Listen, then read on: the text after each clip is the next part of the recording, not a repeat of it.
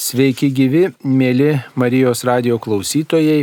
Šį rytą norime su jumis kalbėti apie apaštalus Pilypą ir Jokūbą, kurie šiandien bažnyčios yra minimi. Pilypas ir Jokūbas - apaštalai, kurie kilę iš Galilėjos ir atrado Kristų, apie kurį buvo rašę Mozė ir pranašai. Ir tokiais žodžiais Pilypas paskatina nueiti pas Jėzų nepatiklų Natanaelį, kuris dar vadinamas Baltramiejumi, skeptiškai atsiliepianti apskritai apie Nazareto gyventojus ir aišku apie patį Jėzų. Tiesiog Natanaelis, Baltramiejus buvo didis skeptikas, kaip mes matome iš švento rašto. Argi gali būti iš Nazareto kažkas gero? Tai tas skeptiškumas turbūt artimas ir mūsų laikams ir skeptiškai mes atsiliepiam apie daugelį dalykų ir net apie tikėjimo bažnyčios dalykus. Tačiau Pilypo raginimas pasiekė Natanaelio širdį ir kartu jie susitiko su Jėzumi ir tapo jo sekėjais.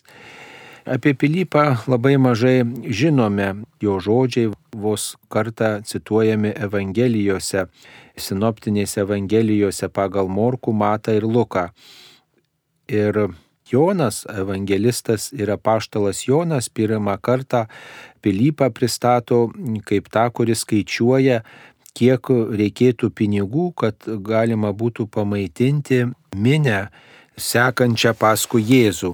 Apie tai skaitome Evangelijoje pagal Joną šeštajame skyriuje. Ir Pilypas mažai pažįstamas ir jo žodžiai ar jo kažkokie gestai nėra per daug minimi. Tiesa, dar Pilypas atlydi pas Jėzų keletą graikų, kurie atkeliauja į Jeruzalę švesti Velykų. Ir taip pat yra minima, kad tai Pilypas atliko. Na taip pat per paskutinę vakarienę taip liūdijama, kad Pilypas buvo vienas iš tų mokinių, kurie nerimastingai klausinėja Jėzų ir sako Jėzui, parodyk mums tėvą ir bus mums gana.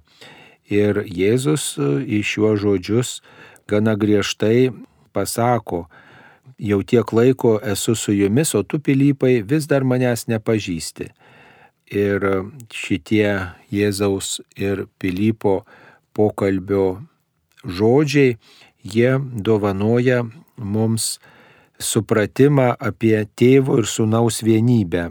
Ir šitų Pilypo ir Jėzaus žodžių dėka Jėzus pasako štai tokį sakinį, kas mane matė, yra matęs ir tėvą. Kitaip sakant, Pilypas dalyvauja šiame pokalbėje kaip tas, kuris, na, galima sakyti, išprovokuoja Jėzų pasakyti tuos žodžius, kad ten, kur veikia Jėzus, ten veikia ir tėvas. Kitaip sakant, per Jėzų mes pažįstam tėvą, priartėjam prie tėvo.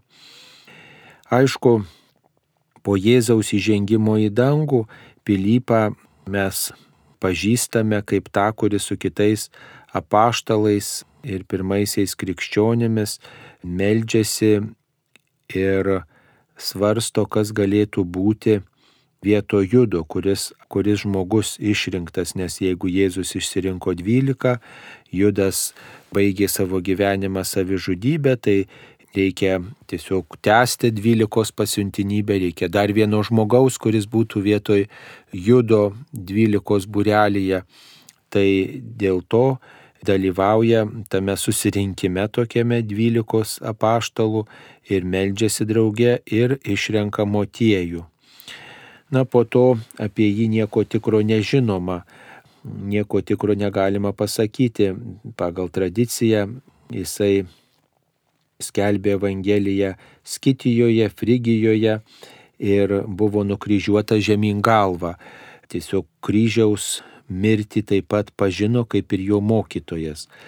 Nors jis buvo paštalas, tačiau aukso legenda pasakoja, kad turėjo dvi dukras, tikriausiai iki tol, kol, kol pradėjo sekti Jėzų ir tos dukros taip pat pasirinko Kristų kaip gelbėtoją ir jis tiesiog buvo su tomis dukromis drauge krikščionio kelyje ir sekė paskui Jėzų ir tos dukros pagal tradiciją yra taip pat palaidotos šalia jo.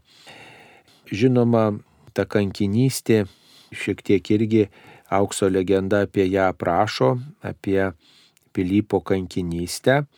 Pilypas buvo verčiamas aukoti Marso statulai, bet nesutiko ir pagonys labai supyko, net jeigu buvo liūdėjama apie jo tikėjimo gale, jo užtarimu, jo, jo tokio maldos gale padarytus stebuklus, nes jis prašė pagalbos ir vyko stebuklai tiesiog pagonių akivaizdu, tačiau pagonys nesutiko priimti to tokio akivaizdaus liūdėjimo, kad per Pilypo maldą, per Pilypo žodį veikia Dievas ir vis tiek jį nužudė. Nukryžiavo žemyn galvą. Jo vardas kažkaip simboliškai reiškia, kad jis yra arklių mėgėjas, galbūt jis augino žirgus arba gal stebėdavo arklių lenktynės, tai tokį vardą turėjo ir daugiau apie jį mažai ką galima pasakyti. Žinoma, yra išlikusi vėlesniais laikais, daug vėlesniais laikais sukurta šventųjų apaštalų Pilypo ir Jokūbo litanija, apie kurią mes vėliau šioje laidoje ir pakalbėsime. Na kitas apaštalas, kuris minimas greta Pilypo, yra Jokūbas. Jokūbas jaunesnysis. Tarp dvylikos apaštalų yra bent keli Jokūbai. Jokūbas vyresnysis ir Jokūbas jaunesnysis. Tai šitas jaunesnysis taip vadinamas todėl, kad vėliau Jėzus pašaukė į apaštalų būrį. Manoma, kad Jokūbas buvo Jono Krikštitojo mokinys ir jis dar vadinamas taip pat teisinguoju. Ir taip pat Jokūbas buvo kilęs iš Nazareto ir tikriausiai buvo Jėzaus giminaitis, nes evangelistai semitų papročių šventai Jokūbą, kaip dabar sakome, Jokūbą iš apaštalų, o Jokūbą jaunesnį vadina viešpaties broliu. Nes tas panašumas galbūt išvaizdos buvo, galbūt nusistatymo, galbūt žodžių, tai tas panašumas jis labai brangus visiems krikščionėms.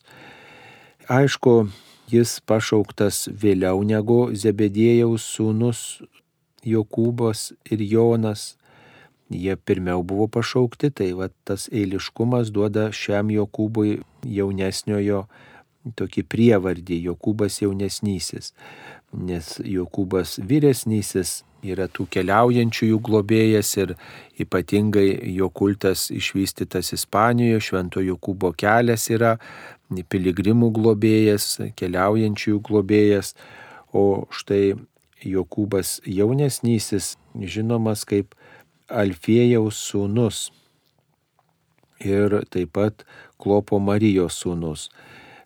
Taigi jis pasakojama pagal tradiciją taip mylėjo viešpati, taip jį brangino, kad kai Jėzus mirė, jis davė įžadą nieko nevalgyti, nieko neimti į burną. Va koks įdomus paprotys. Vis dėlto taip išgyveno dėl viešpaties mirties kad davė tokį įžadą, na tai pasakoja tradicija.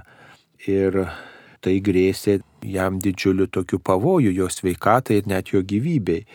Na ir tai pasakojama, kad pasirodė jam viešpats Jėzus, liepė paruošti stalą, tą stalą palaimino, kitaip sakant, paruoštus valgius ir paskatino Jokūbą vis dėlto stiprintis, tęsti savo pasiuntinybę ir nesijimti tokių radikalių, jau superasketiškų praktikų. Tai aišku, kad Jokūbas jaunesnysis, vienas iš apaštalų, pasiryžo sekti Kristumi ir neįsigynė viešpaties bet kokiom aplinkybėm, net ir tada, kai buvo verčiamas įsižadėti Kristaus ir pasakojama, kad jis buvo nustumtas nuo miesto sienos ir vis tiek nei žuvo, nei kaip kitaip stipriai nukentėjo, tai dar buvo apmėtytas akmenimis ir galiausiai lasdomis užmuštas. Dėl to krikščioniškojo ikonografijoje jis vaizduojamas su lasda, su didžiuliu tokiu vėzdu. Pavyzdžiui, Kauno arkikatedroje bazilikoje galim pamatyti vieną iš apaštalų su didelio tokia lasda, storų tokiu basliu. Tai taip dailininkai, skulptoriai, menininkai jam žina šventąjį apaštalą Jokūbą jaunesnįjį, Alfėjaus sūnų, kurį pats Jėzus pašaukė. Tai kiekvienas tas apaštalas turi savo tam tikrą atributą, iš kurio galime jį atpažinti, nes tais laikais nebuvo nuotraukų ir apaštalus būtų sunku atpažinti kaip ir kitus šventuosius. Tai dailininkai vaizdavo pagal savo supratimą, pagal savo mąstymą, pagal galbūt savo meto žmonės, kaip jie rengėsi, kaip jie atrodė. Ir tai, kas žinoma apie šventuosius, vienas ar kitas ženklas, atributas yra priskiriamas jų ikonografijai. Tai pavyzdžiui, šventasis apaštalas Petras vaizduojamas su raktais, šventasis apaštalas Paulius su kardu vaizduojamas, nes raktai siejami su gale įleisti į dangaus karalystę arba neįleisti kažko, ta gale perduota paties Jėzaus, o kardas yra kaip žodžio skelbimo ženklas, taip kaip kardas persmelkia keurai per bet kokią medžiagą, taip ir Dievo žodis persmelkia mus iki pat širdies gelmių. Dievo žodis aštresnis už bet kokį dviešmenį kalaviją, kaip rašoma laiškė žydams, kuris tradiciškai priskiriamas apaštalui Pauliui. Tai čia vad keli tik pavyzdžiai tų ženklų, kurie siejami su konkrečiai žmonėmis ir jų gyvenimą vaizduoja. Taigi apaštalai Pilypas ir Jokūbas, kuriuos mes minime drauge bažnyčioje, kaip bendra keleivius, nors jie skelbė skirtingomis aplinkybėmis Evangelijos žinę ir liūdijo viešpati abudu iki kankinystės, iki kraujo praleidimo, neįsigynė viešpatės. Dar vienas dalykas, kuris labai svarbus kalbant apie šventąjį Jokūbą, apaštalą Alfėjaus sūnų, arba kitaip sakytume, Jokūbą jaunesnįjį, yra Jeruzalės bendruomenėje sušauktas susirinkimas. Pasakojama, kad tada jau Jokūbas vyresnysis buvo miręs, tai buvo jau likęs iš apaštalų tik vienas Jokūbas, Jokūbas jaunesnysis. Ir buvo tame Jeruzalės susirinkime svarstoma, ar krikščionys, kurie kilę ne iš žydų, bet iš pagonių, ar jie privalo laikytis visų mozės įsakymų. Kitaip sakant, tas, kas nori tapti krikščioniu, kilęs iš pagonių, ar jam reikia tapti žydų, ar jam reikia priimti judaizmą, tada jis gali tapti krikščioniu. Su tokiu klausimu susidūrė pirmoji krikščionių karta - paštalai ir taip pat jų bendradarbiai nes Jėzus atėjo į žydų tautą, savieji nepriėmė, tuomet ta žinia pradėjo sklisti toliau ir pasiekė pagonių kraštus. Pas savosius atėjo, savieji nepriėmė, kaip skaitome Evangelijoje pagal Joną. Ir tada žydai svarstė, o ką reikia daryti tiems pagonims, kurie nori tapti Kristaus sekėjais, ar jie turi laikytis judaizmo taisyklių? Šabo šventimo, apipjaustimo papročių, keulienos nevalgymo ir taip toliau. Na ir aišku, buvo melžiamasi, buvo tariamasi. Ir taip pat buvo galiausiai nutarta, kad jei pagonės įtiki Kristų, nereikalaujama, kad jis paklustų visiems hebrajiškosios tradicijos priesakams, taisyklėms. Tai nereikalaujama apipjaustimo ir nereikalaujama, kad taip jau laikytųsi kitų taisyklių, kurių laikosi žydai. Tik tai vienas reikalavimas paliktas, kad žydai, taip kaip žydai, taip kaip krikščionys, tie iš pagonių atsivertę į Kristų, tapę krikščionėmis pagonys, susilaikytų nuo pagonių dievams, kitomis aplinkybėmis, aišku, paukoto maisto valgymo. Kitaip sakant, nevartotų pagonėms, pagonių stabams paukotos mėsos vartojimo, žodžiu, atsiribotų nuo pagoniškų kultų. Na ir žinoma, jeigu tarp pagonių buvo paplitusi daug patystė arba tas palaidumas, tai jau iš pagonių į krikščionybę atsivertęs asmuo turėjo laikyti santokinį gyvenimą reglamentuojančių principų, reiškia įsipareigoti vienai žmonai ir tikrai atsisakyti tų palaidumo praktikų, kurios buvo paplitę tarp pagonių. Ir tokiu būdu artėti prie Kristaus ir mokytis iš jo nusistatymo, pagarbiai žvelgti į kitą žmogų. Tai štai toks yra indėlis Jokūbo paštalo į krikščionių tradiciją ir pasakojama, kad tai būtent yra atlikta šitas pasiūlymas pagonėms, kurie atsiverčia į Kristų, nesilaikyti judaizmo principų. Šitas pasiūlymas priskiriamas būtent Jokūbui apaštalui, Jokūbui jaunesniajam Alfėjaus sūnui, kurį pats Jėzus pašaukė į apaštalų būrį. Dar vienas dalykas, apie kurį reikia pasakyti, tai kad Naujajame testamente tarp visuotinių laiškų yra vienas Jokūbo laiškas. Aišku, apie jį daug visokių svarstymų yra. Ten to laiško autorius neprisistato kaip apaštalas, tik tai mes atpažįstam vardą, kad Jokūbo laiškas yra. Ir švento rašto specialistai svarsto, ar tai yra būtent Alfėjaus sūnui, apaštalui Jokūbui jaunesniajam priskiriamas laiškas, ar čia dar kitas Jokūbas buvo, ar tiesiog, žinot, jo mokiniai priskyrė šiam apaštalui šį laišką, nes vadovavusi jo autoritetu, rėmėsi jo autoritetu. Ir aišku, vienas iš tokių garsiausių šio laiško pasakymų, minčių, kad tikėjimas be darbų yra miręs. Ir dažnai prisimenamas ir e, svarstomas šitas sakinys, kaip jį reikėtų suprasti. Ir aišku, vieni sako, kad nereikia tų darbų, užtenka tikėti ir būsi išgelbėtas, ir ypač protestantai tą pabrėžė, užtenka tikėjimo ir tie darbai, tai jie savo keliu eina, mes negalim savo pastangomis nusipelnyti, užsitarnauti išgelbėjimo, nuteisinimo, išteisinimo savo pastangom, ar ne? Tik išgelbėjimas yra dovana. Kaip ir tikėjimas yra dovana, taip ir viešpats mus išgelbsti. Tačiau šitas sakinys, tikėjimas be darbų yra miręs, katalikų bažnyčioje suprantamas kaip paliudijimas, jog tikėjimą reikia savo darbais išreikšti. Kitaip sakant, taip, Dievas išgelbsti vien savo malonę, tačiau mūsų pastangos yra įgyvendinti tikėjimo principus. Gyventi taip, kaip viešpats moko, stengtis tą daryti, gyventi pagal tikėjimą, gyventi pagal tikėjimo principus tai tas tikėjimo liudijimas reikalingas ir kitiems žmonėms, ir mums patiems, kaip pritaikymas kasdienybėje visų tų krikščioniškų principų, apie kuriuos Jėzus kalbėjo vaikščiodamas su apaštalais įvairiems žmonėms ir įvairiausiomis aplinkybėmis. Taigi, tikėjimas be darbų yra miręs, suprantam tą sakinį, kad tikėjimas turi būti liudijamas, pagal jį gyvenama.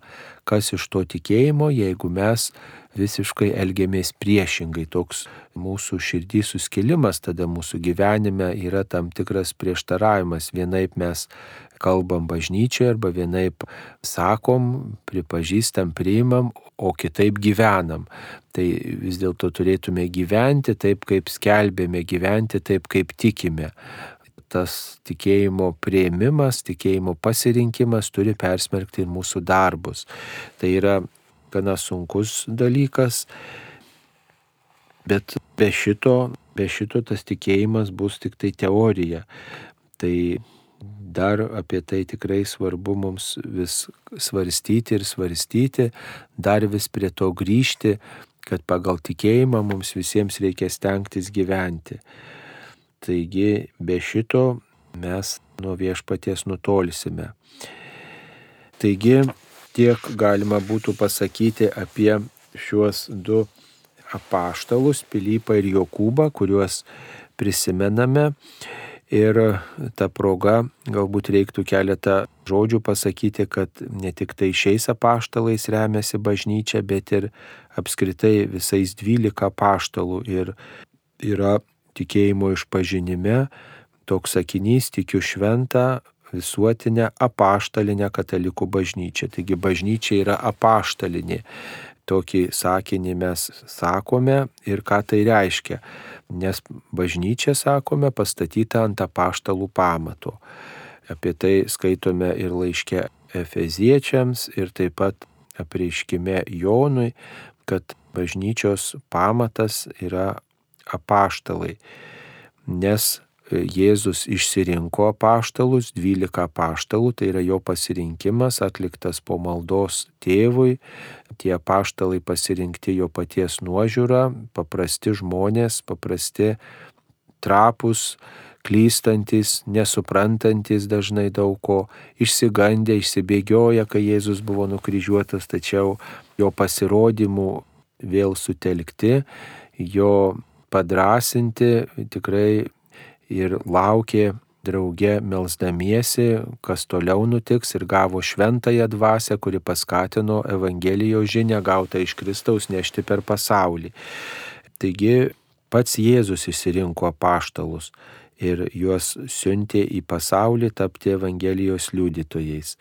Tai matom tam tikrą testinumą per Jėzų, kuris buvo Dievas ir žmogus, Evangelijos žinia, išgelbėjimo žinia apie Dievą, apie jo meilę žmogui ateina paprastiems žmonėms. Pirmiausia, ją išgirsta dvylika apaštalų ir jie perduota kitiems savo bendradarbiams, savo bičiuliams, tiems žmonėms, su kuriais susitinka ir taip pat viskupai yra paštalų įpėdiniai Žodžiu, ta pirmoji krikščionių karta, pirmoji Jėzaus sekėjų karta yra nepaprastai svarbi, nes iš paties Dievo gauna apreiškimą, iš paties Dievo gauna žinę apie žmonijos gelbėjimą.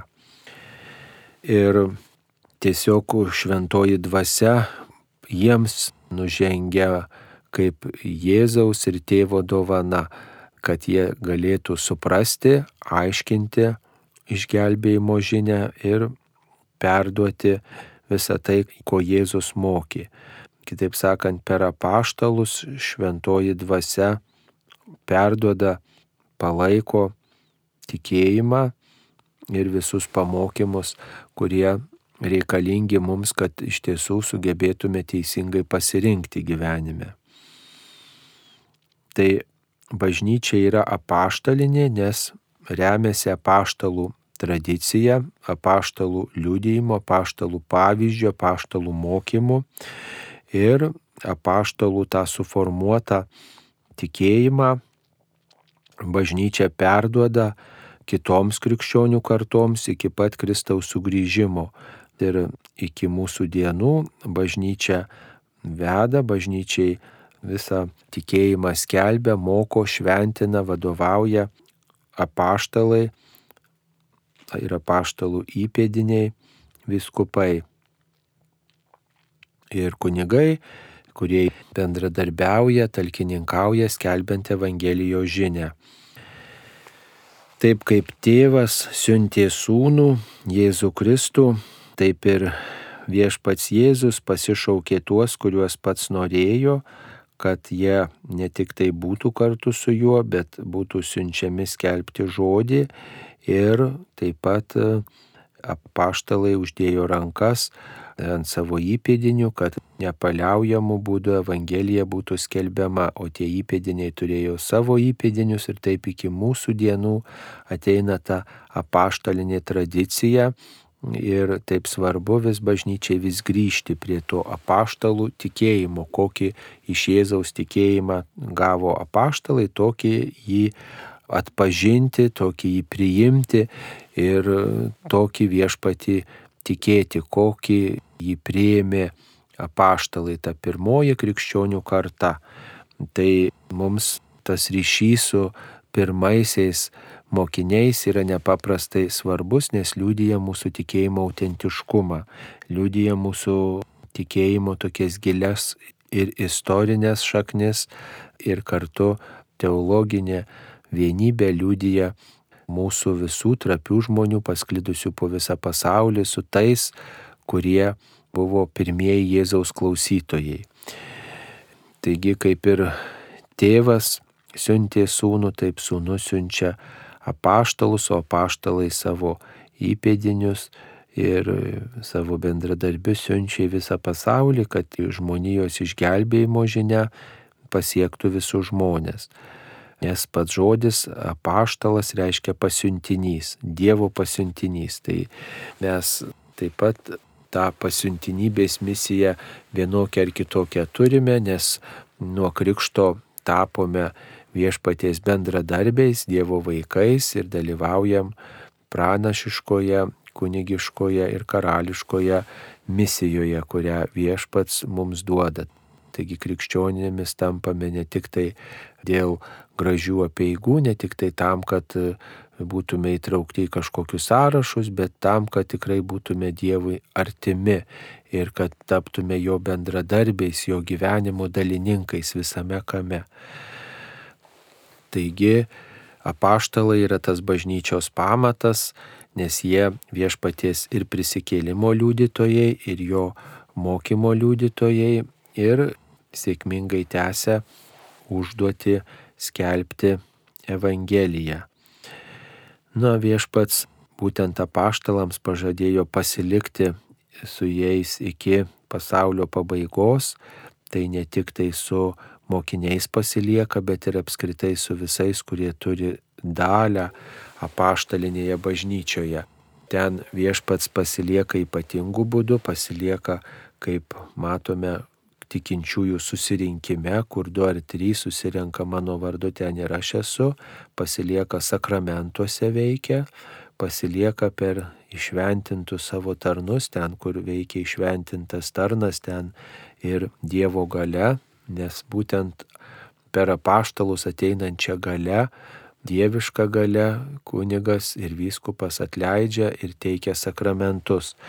Tai mums ta pasiuntinybė, tas testinumas yra taip reikšmingas, svarbus, bet mes jį kartais taip pamirštam. Na, savaime atrodo, čia atėjo kažkas ir skelbia Evangeliją, čia mums teikia sakramentą, bet kad tai yra susiję su nuo Kristaus laikų ateinančia gale, kad tai susiję su tokiu testinumu, mes apie tai pamirštam, kad yra gyja, kuri mus per visus laikus sieja su apaštalais, o apaštalai yra tie, kurie matė Kristų, kurie liudyja apie jį. Ir dėl to mums svarbu yra remtis apaštalais ir branginti šitą testinumą. Vat jeigu, pavyzdžiui, girdim apie kitus krikščionius, gal jie ir džiaugsmingiau tikėjimą švenčia, gal jie ir kažkaip šio laikiškai viską paaiškina, gal ten nėra nei kažkokių nesuprantamų ženklų, apieigų, gal jie daug bendruomeniškiau išgyvena Kristaus artumą, bet kai paklausom arba panagrinėjam jų istoriją, suprantam, kad jie atsirado palyginus vėlai, o kad ta gyja su apaštalinė tradicija, su apaštalinė bažnyčia yra nutrūkusi. Jie atsirado ten XIX amžiuje arba dar vėliau. Tai o kur buvo tada visus tuos laikus iki tol, o būtent katalikų bažnyčia turi tą apaštalinę sukcesiją nuo apaštalų laikų, perduodama gale karta iš kartos per įpėdinius, perduodama gale ateinanti nuo paties Kristaus - šventinti, mokyti, valdyti. Ir kad ir kokie tie įpėdiniai bebūtų, kad ir kaip čia atrodytų viskas kreiva, neįdomu, sena, bet visa tai yra kaip lieptas, kaip tiltas, per, mes, per kuriuos galime ateiti prie paties Kristaus. Kitaip sakant, tas apaštališkumas bažnyčios, ta apaštalinė tradicija, kuri perdodama, kuri gyva, ji yra labai brangi ir, ir ženklas, kad mūsų bažnyčia yra tikra, autentiška, paties Kristaus įsteigta. Tai štai tai apaštaliniai bažnyčiai ir priklauso šiandien pagerbiami du Jėzaus pašaukti apaštalai Pilypas ir Jokūbas. Tai reikėtų taip pat šią progą e, pasakyti dar vieną dalyką, kad mes tuos apaštalus prisimename kaip atkaklius tikėjimo gynėjus. Ir jų tikėjimo liūdėjimas turbūt paskatina ir mus apmastyti, ką reiškia ginti tikėjimą, ką reiškia jį pasirinkti ir ką reiškia dėl jo nukentėti. Tai atsiverčiame litaniją šventųjų apaštalų Pilypo ir Jokūbo litaniją.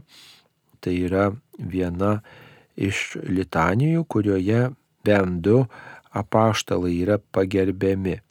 Tai maldos būdas kartoti vieną atliepą, jungiantis į bendrą maldą arba tiesiog apmastant vieną ar kitą apaštalo gyvenimo istorijos momentą, apmastant jo žodžius ar apmastant tai, ką jo žodžiai, jo istorija reiškia mums. Turbūt kaip ir kiekvienoje litanijoje, taip ir šventųjų apaštalų Pilypo ir Jokūbo litanijoje yra įžanginiai kreipiniai, kuriais pagerbiamas vienas Dievas švenčiausioje trejybėje - tėvas, sunus ir šventoji dvasia. Ir aišku pagerbiama švenčiausioji mergelė Marija kaip apaštalų karalienė, nes ji kartu su apaštalais būdėjo ir meldėsi į sėkminių dieną, kai šventoji dvasia nužengė ant apaštalų ir patyrė kartu ir mergelė Marija tą dvasios išliejimą, padrasinimą, paskatinimą ir beribę Dievo meilę eiti ir nešti Evangelijos žinę per pasaulį. Aišku, šventoji dvasia kiekvieno žmogaus asmenį veikia e, savai, prisitaiko prie to žmogaus talentų, dovanų, bet tikrai tas dvasios veikimas akivaizdus buvo apaštalų gyvenime, o Marijos keli reiškėsi dar kitų būdų. Ji nepaliko kažkokių raštų, bet ji malda, tuo tikėjimo liūdėjimu, ištikimybė paskatino tuos apaštalus atlikti kuo geriau savo misiją, būti tais Jėzaus misijos tesėjais po jo mirties ir prisikėlimo. Tai ji kaip ta, kuri davė žmogystės pradžią Jėzui kaip Dievui ir žmogui. Pirmą kelią, pirmus žingsnius paskatino atlikti ir tokiu būdu prisidėjo, kad Jėzus, Dievas ir žmogus galėtų aukti ir tą pradžią pasinaudoti, nes mama yra mūsų gyvenimo pradžia, yra mūsų gyvenimo dalininkė, palydinti mus šito pasaulio keliais. Tai štai ta litanija, apie kurią čia tarsim keletą žodžių, yra tuo unikali, kad yra apžvelgiami kartu tie du žmonės, kaip ir kiti apaštalai, tai kas pasakyta apie juos du kartu tinka ir kitiems apaštalams, visiems dvylika, bet kartu yra apmastomos ir jų tų asmenų dorybės, asmeninės savybės ir paskui apmastoma kiekvieno atskirai istorija ir taip pat prašoma, kad jie lydėtų, melstusi už mus ir kartu keli kvietimai yra per jų, per tų apaštalų žodžius, per jų pavyzdį tas kvietimas pasiekė ne tik tai tą metą, kada jie gyveno, bet ir vėlesnės kartas. Taigi, jeigu pradėsime nuo litanijos pradžios, tai tokius žodžius rasime - Pilypai ir Jokūbai, melskite už mus. Tas kvietimas melstį už mus pasikartos po kiekvieno kreipinio, tai yra priminimas apie šventųjų bendravimą, kad tie, kurie buvo Jėzaus sėkėjai, kad tie, kuriems rūpėjo Jėzaus istorija, gali būti taip pat ir mūsų užtarėjais, išmelsti, palydėti mus prie Dievo. Kaip patys buvo prie viešpaties, taip ir gali mus visus lydėti. Na ir pirmaisiais kreipinių žodžiais yra apmastomas ryšys su Jėzumi, apaštalų Pilypų ir Jokūbo ryšys su Jėzumi. Jėzaus pašauktieji Galilėjos pakrantėje, Jėzaus pašauktieji būti žmonių žvėjais, viską palikę ir sekę paskui Kristų, pažinę Jėzų pažadėtojų mesijų, Jėzaus draugai, paskirtieji Jėzų lydėti, Jėzaus įgalintieji skelbti jo mokslą ir taip pat išvarinėti demonus, regėję viešpaties kančią, Kristaus prisikėlimo liudytojai, dieviškąją mokytojų prisikėlus skelbia Evangeliją, artimi Marijai nuolankumu ir uolumu bei tyrumu, sielų vadovai nukreipia į Dievą tiek daug širdžių. Taigi čia girdėjot apie jų ryšį su Jėzumi, nes iš paties Jėzaus jie gavo tas galias išvarinėti demonus, skelbti mokslą, iš Jėzaus atėjo tas kvietimas jį lydėti, sekti paskui jį, o taip pat jie turi ir tokių asmeninių savybių - tyrumu, nuolankumu ir uolumu artimi Marijai. Jie buvo sielų vadovai, sugebėję klausytis ir į Dievą kreiptis daug širdžių. Jie buvo papuošti septyniomis šventosios dvasios dovanomis Jie turėjo brandų tikėjimą, jie buvo tobuli vyrai, nes atspindėjo Kristaus pilnatvės didingumą. Jie šventumo žvaigždės, jie bažnyčios ramščiai, nes ant apaštalų laikosi visa bažnyčia, ant apaštalų liūdėjimo, ant jų mokymo ir jų tikėjimo pavyzdžio.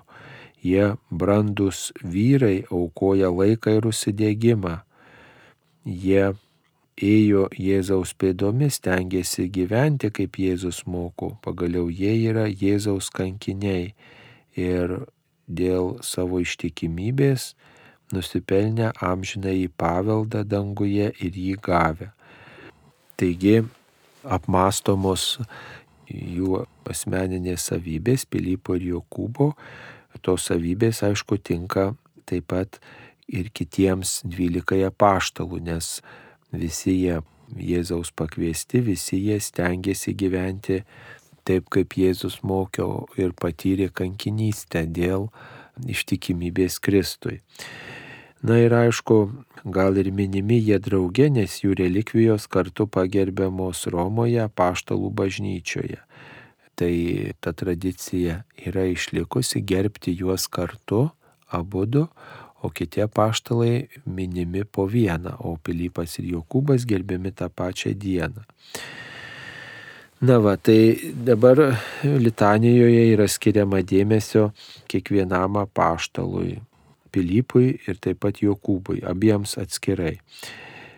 Šventasis apaštalė Pilypai melski už mus, viešpaties pašauktasis, pamilęs Kristų, buvęs šalia Jėzaus, buvęs kartu per duonos padauginimą, sakęs Jėzui viešpatie parodyk mums tėvą, jam Jėzus atskleidė savo buvimo tėvuje slėpinį, pasilikęs su Jėzumi, skelbęs Jėzaus vardą, atskleidęs tėvo prieiškimą per sūnų, gynęs Kristaus mokymą, skelbęs Evangeliją, kankintas dėl tikėjimo, nukryžiuotas ir užmuštas akmenimis ant kryžiaus.